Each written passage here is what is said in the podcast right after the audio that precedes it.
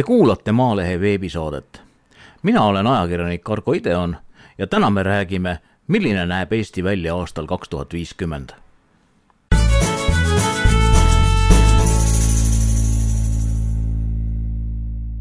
võimaluse vaadata kolmkümmend aastat edasi annab äsja ilmunud Eesti inimarengu aruanne. seal on kirjeldatud ka nelja Eesti tulevikustsenaariumi. tõepoolest kas Eestist saab aastaks kaks tuhat viiskümmend urbaniseerunud, lõhestatud rahvaga kivitsungel või hoopis pastoraalne, roheline ja kogukondlik riik? või tuleb meil midagi vahepealset? kõik on võimalik ja midagi pole veel lukku löödud. Maalehe veebisaate tänane külaline on üks inimarengu aruande tulevikustsenaariumide osa põhiautoreid Kristi Krišakov ta on Tallinna Tehnikaülikooli maastikuarhitektuuri õppekavade programmijuht ja uurinud suurte infrastruktuuriprojektide mõju kohalikule keskkonnale. tere, Kristi! tere! Teil on neli Eesti arengustsenaariumit aastaks kaks tuhat viiskümmend. kui ma väga kõvasti lihtsustan, siis üks nendest on selline mini-Ameerika, hästi suur linnastumine, terav kihistumine ühiskonnas, äärelinnades on ohtlik õhtul välja minna ja võib ka Ameerikaga selle paralleeli tuua just, ma arvan, äh, kindlasti selles osas, mis puudutab äh, äh, seda avalikku ruumi, seda, et see on väga autokeskne, et see on väga palju segregeeritud, mis siis tähendab seda, et, et jõukus ja vaesus on koondunud erinevatesse piirkondadesse. ja ka seal vahel on siis ütleme barjäärid loodud et selles mõttes kindlasti Ameerika, aga. teine arengustsenaarium on praegusest väiksem linnastumise tase. see on hästi pastoraalne, roheline ja kogukondlik elu. paljud inimesed elavad maapiirkondades. kolmas ja neljas stsenaarium aga on mõnevõrra leebemad variandid, mis asuvad eelmiste vahepeal tegelikult ju isegi majandusanalüütikud ei julge nii pika aja peale tavaliselt prognoose teha, et äh, ja see mõnes mõttes on ju mäng, eks ole, te lihtsalt võtate mingid parameetrid ja siis äh, keerate nupu põhja ja siis mis välja tuleb?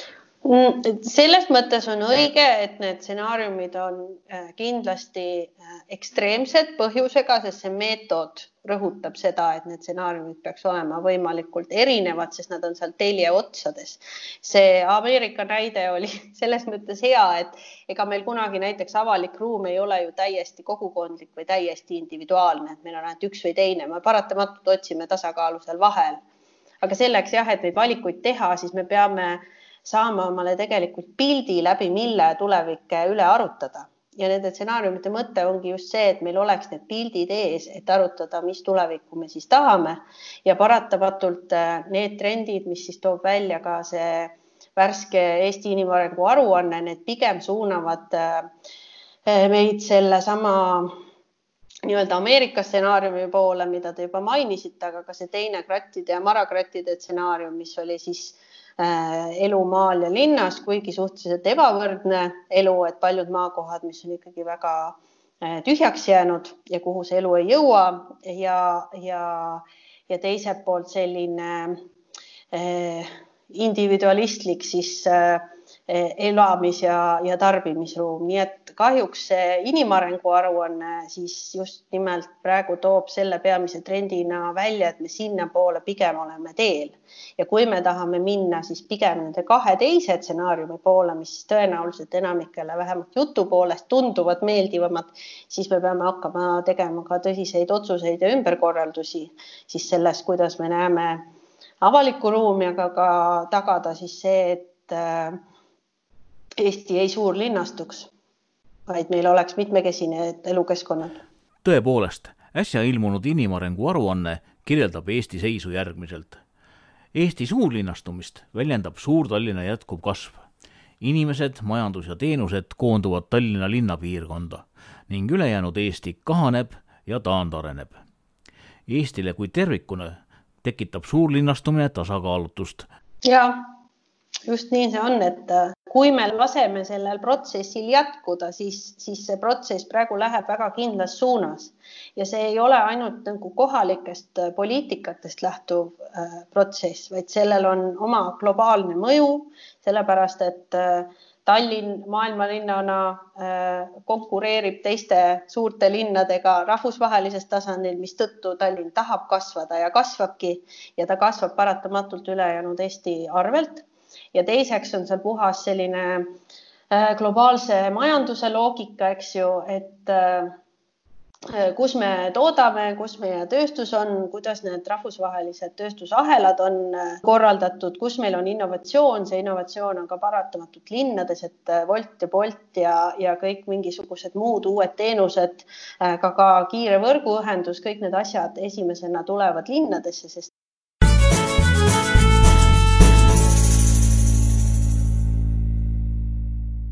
Te kuulate Maalehe veebisaadet mina olen ajakirjanik Argo Ideon ja me räägime Eesti tulevikust kolmekümne aasta pärast. värskes Maalehes ilmus kaks aastat tehtud Eesti inimarengu aruandest ülevaade. seal leidub ka Anti Roose usutlus. Anti on samuti aruande üks autoritest.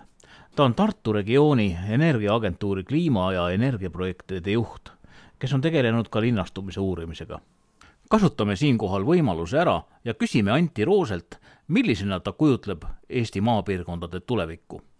regionaalmajandused sellises väiksuses, nagu nad meile on jäänud ENSV rajoonidest, lihtsalt ei oma kriitilist massi, et, et siis mastaabisäästus või mingites asukohalistes mitmekesisustes ja spetsialiseerumistes seda piirkonda sellises äh, territoriaalses äh, piiritlemises äh, noh, vedada ja hoida, et, et me ikkagi oleme mingis mõttes praegu juba läinud sellisele kahekeskuselisele regionaalsusele üle, kus on siis Tallinna tagamaa tunniajases äh, autosõidus ja, ja samamoodi siin Tartus tund aega sõidab äh, sinna Avinurme ja, ja Läti piirini, kus siis tegelikult äh, see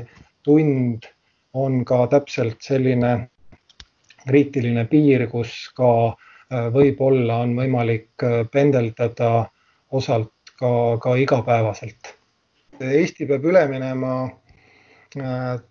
täiesti kahele eristuvale haldusmudelile. üks on siis äh, suurlinna mudel, mis siis hõlmab äh, Tallinnat ja seda ümbrust ja teine ikkagi väga ausalt tunnistab äh, kestlikku kahanemist, kus siis see solidaarsuspõhimõte on väljendatud ikkagi ka lõpuks nende toetussummadega, mitte siis ainult retooriliselt ja, ja, ja tegelikult sellist äh, ka geograafiliselt täpsemat äh, sihitamist me oleme siin näinud äh, Kihnu ja Setu näitel, kus siis ka see toetuste mastaap ja programmilisus, äh, võttes arvesse ka seda kohalikku identiteeti, on teatavaid tulemusi näitamas, erinevalt siis sellisest, sellisest noh, kõiki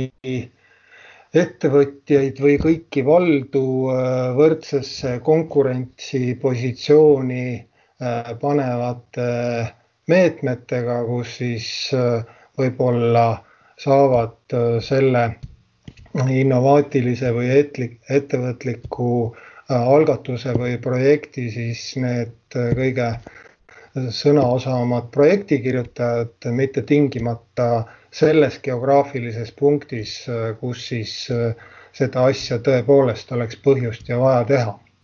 mulle meenub ka selline tees, et maal saavad elada ainult väga jõukad inimesed. Nende sissetulek ei sõltu asukohast ja lihtsalt, kui on vaja lennujaama sõita, lükkavad nad oma džiibi garaažist hommikul veidi varem välja. Anti Roose. Nii see on, et ega tegelikult äh, iga kilomeeter äh, ju sõitu kulutab bensiini ja, ja, ja auto amortiseerub ja, ja samamoodi ikkagi, kui sa kavatsed ennast äh, perekondlikult ja aastaringselt sisse seada, siis äh, need vana, vanaldunud talumajad või siis ka tegelikult need agrolinnakute kortermajad tegelikult ju vajavad täisrenoveerimist ja nende talumajadega on veel see täiendav investeering, kus siis kõik need viimased kilomeetrid alates internetist kuni, kuni, kuni elektrini tuleb ju väga suures osas ka tegelikult äh, ise kinni maksta, kus siis ka, ka, ka need äh, palju kõneldud hajaasustuse toetused äh, erinevateks inseneritaristuteks ei ole selgelt piisavad.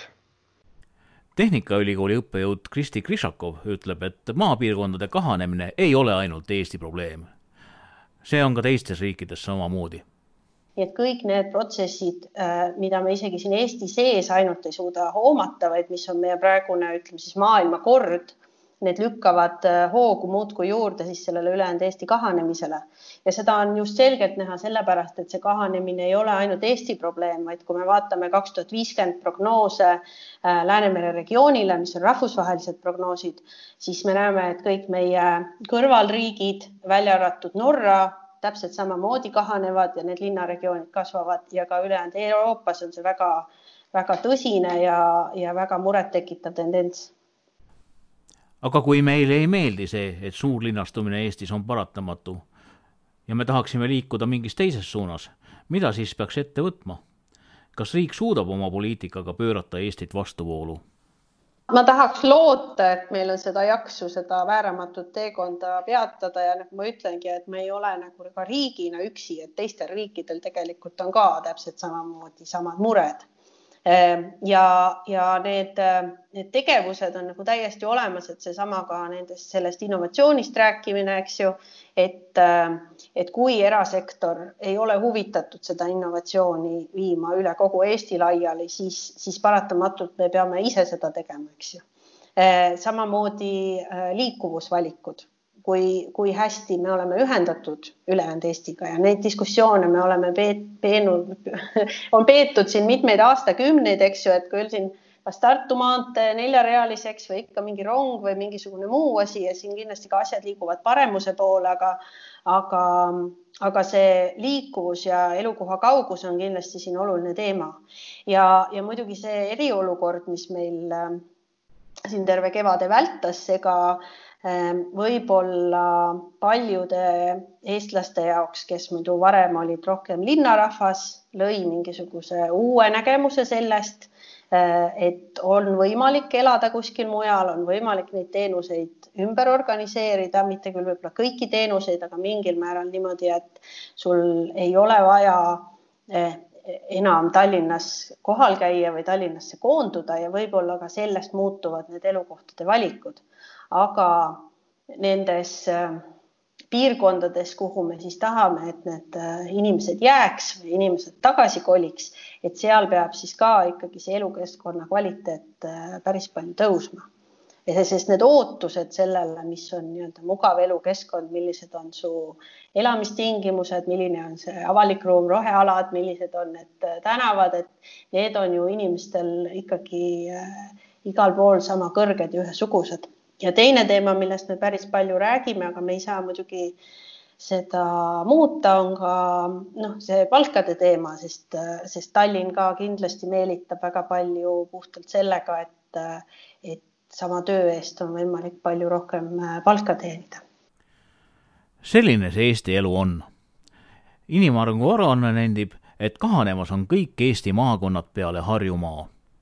aastatel kaks tuhat kuni kaks tuhat kaheksateist lisandus Harjumaale kümme protsenti rahvastikku, samal ajal kui Tartumaa rahvastik vähenes neli protsenti, teistes maakondades jäi elanikke vähemaks kümnendiku kuni veerandi võrra.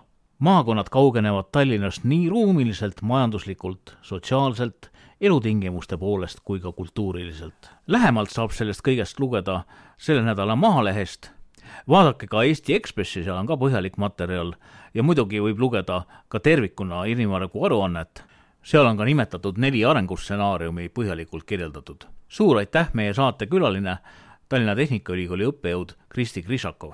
aitäh, head aega! Te kuulasite Maalehe veebisaadet. mina olen ajakirjanik Argo Ideon ja kohtume juba järgmises saates mõnede hoopis teiste teemadega